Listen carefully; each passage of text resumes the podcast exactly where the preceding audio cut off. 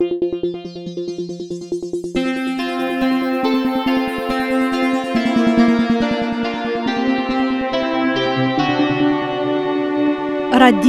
Esperanto. Parolas Kaliningrado. Saluton. Okazo de la unua ciara programo, la de kvaran de februaro, el la Kaliningrada studio de Radio Esperanto, salutas vin Aleksandr Korzenkov. Kai Halina Gorecka. Yes, nur meze de februaro ni el parolas vin, char antu tri semainoi, kiam devus aperi nia tridexepa son programo, alina reveninte la cige voyaggio Kaliningrado Olstino Kauno Kaliningrado, ec malsanis, cae nur hodiu ni finfina successis sidigi antu la microfono.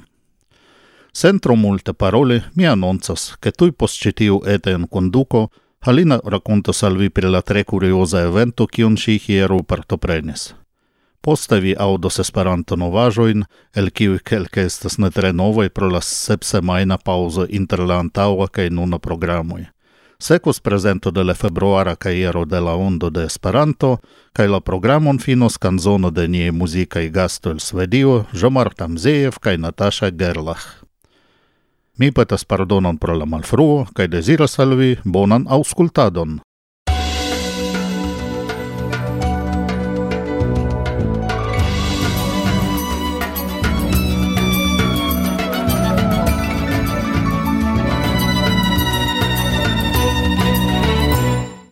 Occidente de Ruslando, Kaliningradai, Novajoi. Festo de la longa colbaso.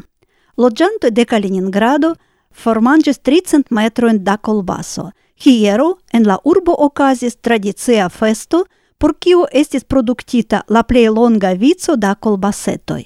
La festo de la longa kolbaso havas siajn radikojn en la deksesa jarcento, kiam Kenigsbergaj viandistoj produktis kaj proponis al la urbanoj colbason longan je circo dec metroi.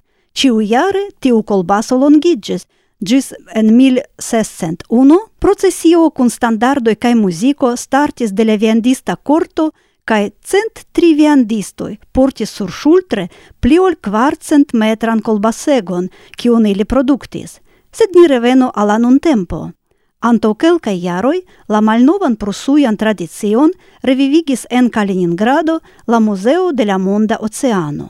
Sur la caio de Pregola okazis granda festa programo, kiu startis per procesio en kiu dek kvar viandistoj de la entrepreno Kolada portis vicegon da kolbasetoj, kiu pezis 312 kilogramojn.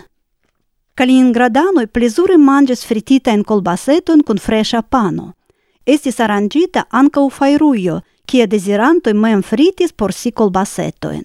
La tutan tagon sonis muziko, okazis presentadoi, ludoi, loterio. Oni povis aceti beleen memorajoen. La programun finis concerto de Sinfonia orkestro.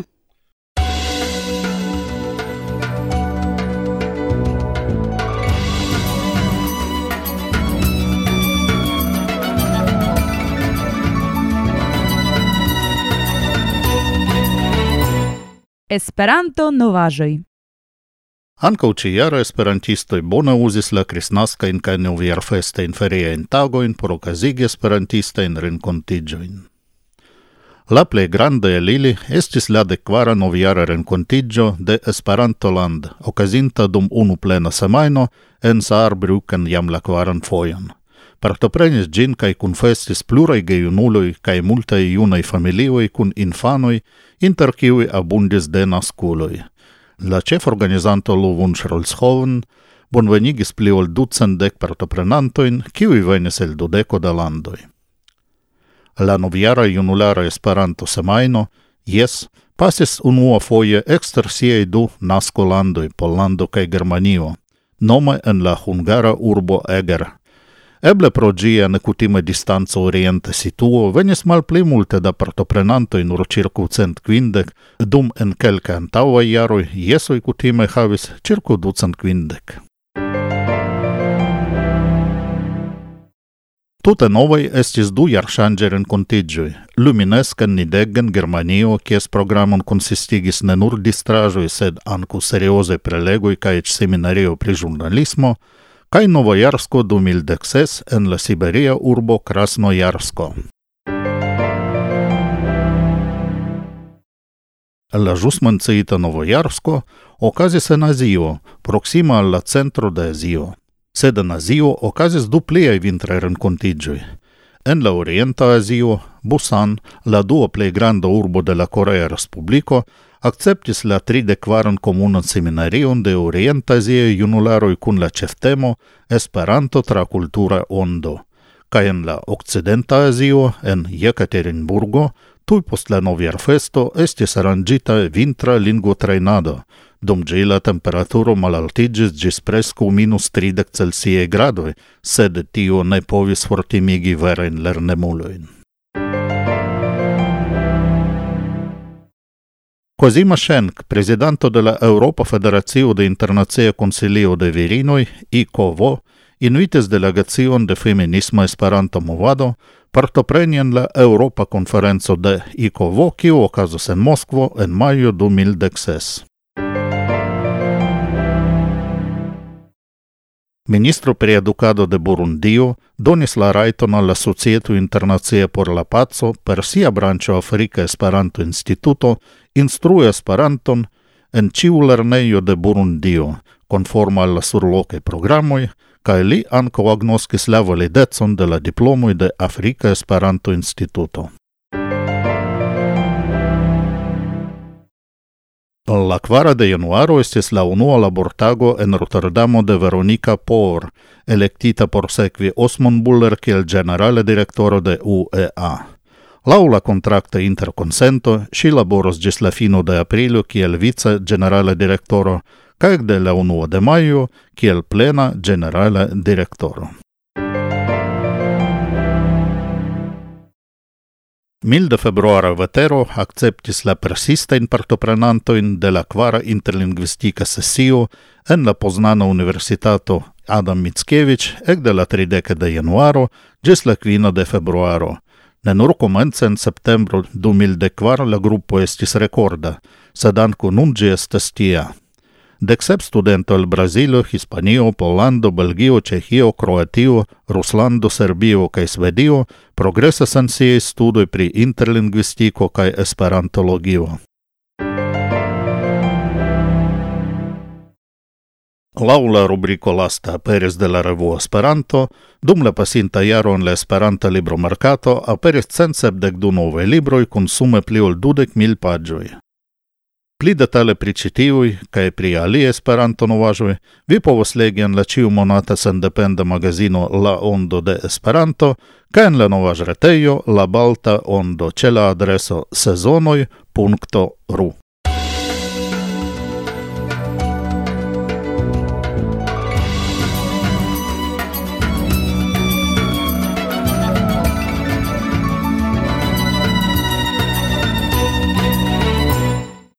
La februara caiero de la Ondo de Esperanto anca ĉi-jare estas pli amplexa ul kutime pro la raportoi pri multe esperantistai aranjoi cae pro la tradiziei februarai textoi.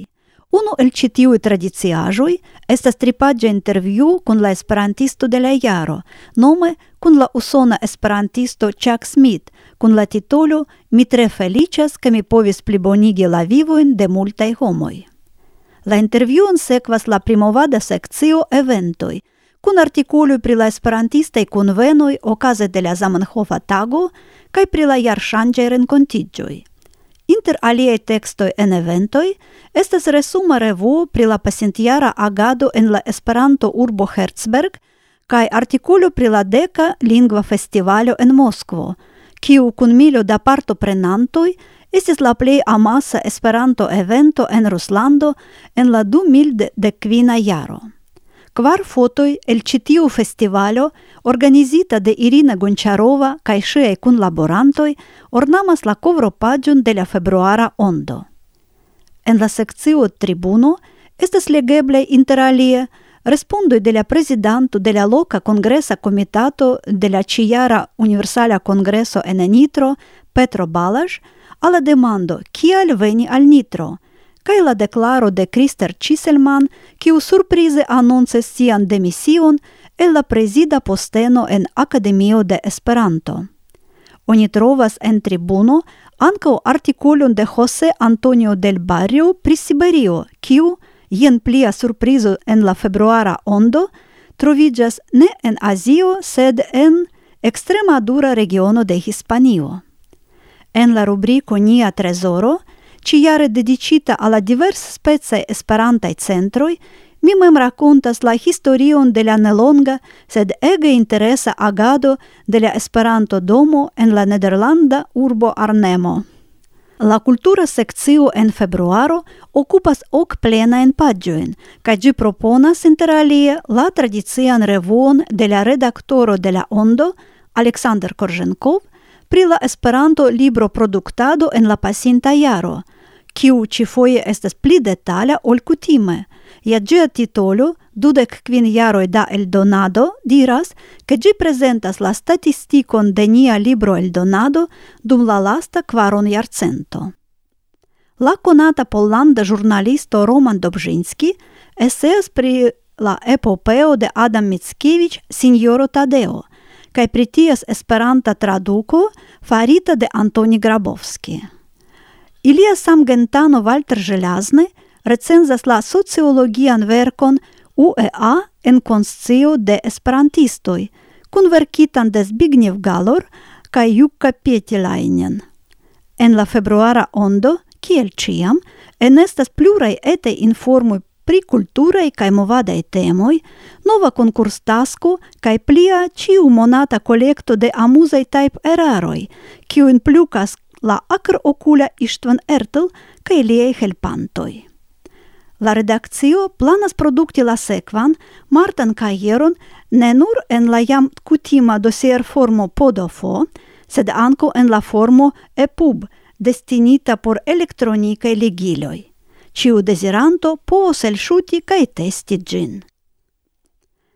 La ondo de Esperanto estas abonebla en la tradicia papera formo kontraŭ kvardek du eŭroj por la tuta jaro, cae contra dudec unu euroi por iardu ono.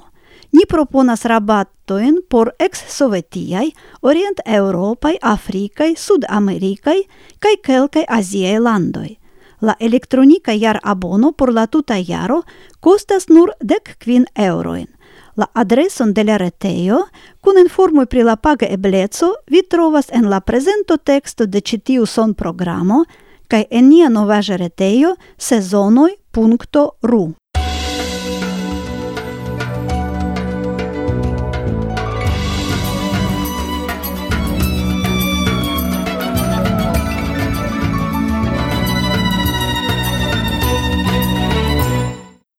Parolas Kaliningrado. Жамарт кај Наташа esta својда музика дуопо кон радикоен Казахстаном. Жамар Тамзеев kaj Наташа Герлах kantas kune pli ol dudek kvin jarojn, same longe kiel ili estas paro. Ekde la duopa Esperanto debuto en Samarkando en la jubilea jaro 1987.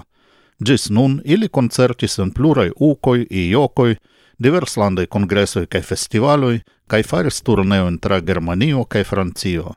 Dum sia artista vojo la duopo kreis ĉirkaŭ cent kantojn. Jomart, kiu plej parte kreas la kantojn, traktas en la tekstoj tion, kio tuŝis lin. Tial la tekstoj estas la ĉefa parto del l kantoj. Dum siaj koncertoj la duopo strebas, ke la aŭskultantaro sentu kaj komprenu la esencon de la kantoj. La plej sukcesaj koncertoj por ili estas, kiam establiĝas kontakto kaj silenta dialogo inter la publiko kaj la muzikistoj. Ilia canto maniero – evoluis de la simpla barda al pli poproceca. Same evoluis la qualito de la cantado cae de la scen plenumado. Lasta tempe Jomart licigis sian gitarludon, aldoninte novan ludtecnicon al la canto aranjoi. La duopera aranjis plurin malnovain cantoin lau sia nova stilo, kiu modernigis cae ricigis la cantoin. La compact disca proiecto cun nove arrangitei cantoi nomigas Jomartajoi, du el la tri planitaj diskoj de ĉi tiu projekto jam estas eldonitaj. Ĉi tiu duopo estas la unua Esperanto-grupo, kiu eldonis la unuan en eksa Sovetunio vinilan Esperanto-diskon kun la titolo Somera Mondo. Posta aperis tri kasedoj kaj pluraj kompakt-diskoj. La duopo ankaŭ partoprenis en kompiloj. Žomart kaj Nataša koncerto skadr de la arta programo de la Quindec Duei Balti Esperanto tendaro en Birŝtona Litovio, kaj tie ili certe plenumos la kanzonon Kiam mi restas sola, per kiu finiĝas nia tridexepa son programo. Gis raudo! Kiam mi restas sola, kiam neniu min vidas, kun vi mi interparola, rapidas, al vi mi pense rapidas, ciam de longe estas, mi sen via leteroi, malamas mi postceston, malbonas miai aferoi, ciam forgesas mi sonon, de vocio malauta via. Mi cantas malnovain canton, in canto Ciu cantis nia Mi cantas mal nova in canto Kiu incantis nia La pa parada La pa parada La pa parada La pa parada Se mi vian forgesos visagion Se iam ocasos tio Do nepre mi devos voyagi Ec dio ne sias gis De nove mi devos voyagi Gis kiam, gis kiam, gis kiam Kiam forgesas mi sonon De voce malauta via Mi cantas mal nova in canto Kiu цыган теснее Mi cantas malnovan canton Kiuj kantis nian Mi cantas malnovan canton Kiuj kantis nian Me cantas mal lo encanto. Kiwi, kiwi, kiwi, niña. Me cantas mal no encanto. Kiwi, cantis niña. cantas mal no va encantor qui ho encantis dia pa pa parara pa pa parara pa pa parara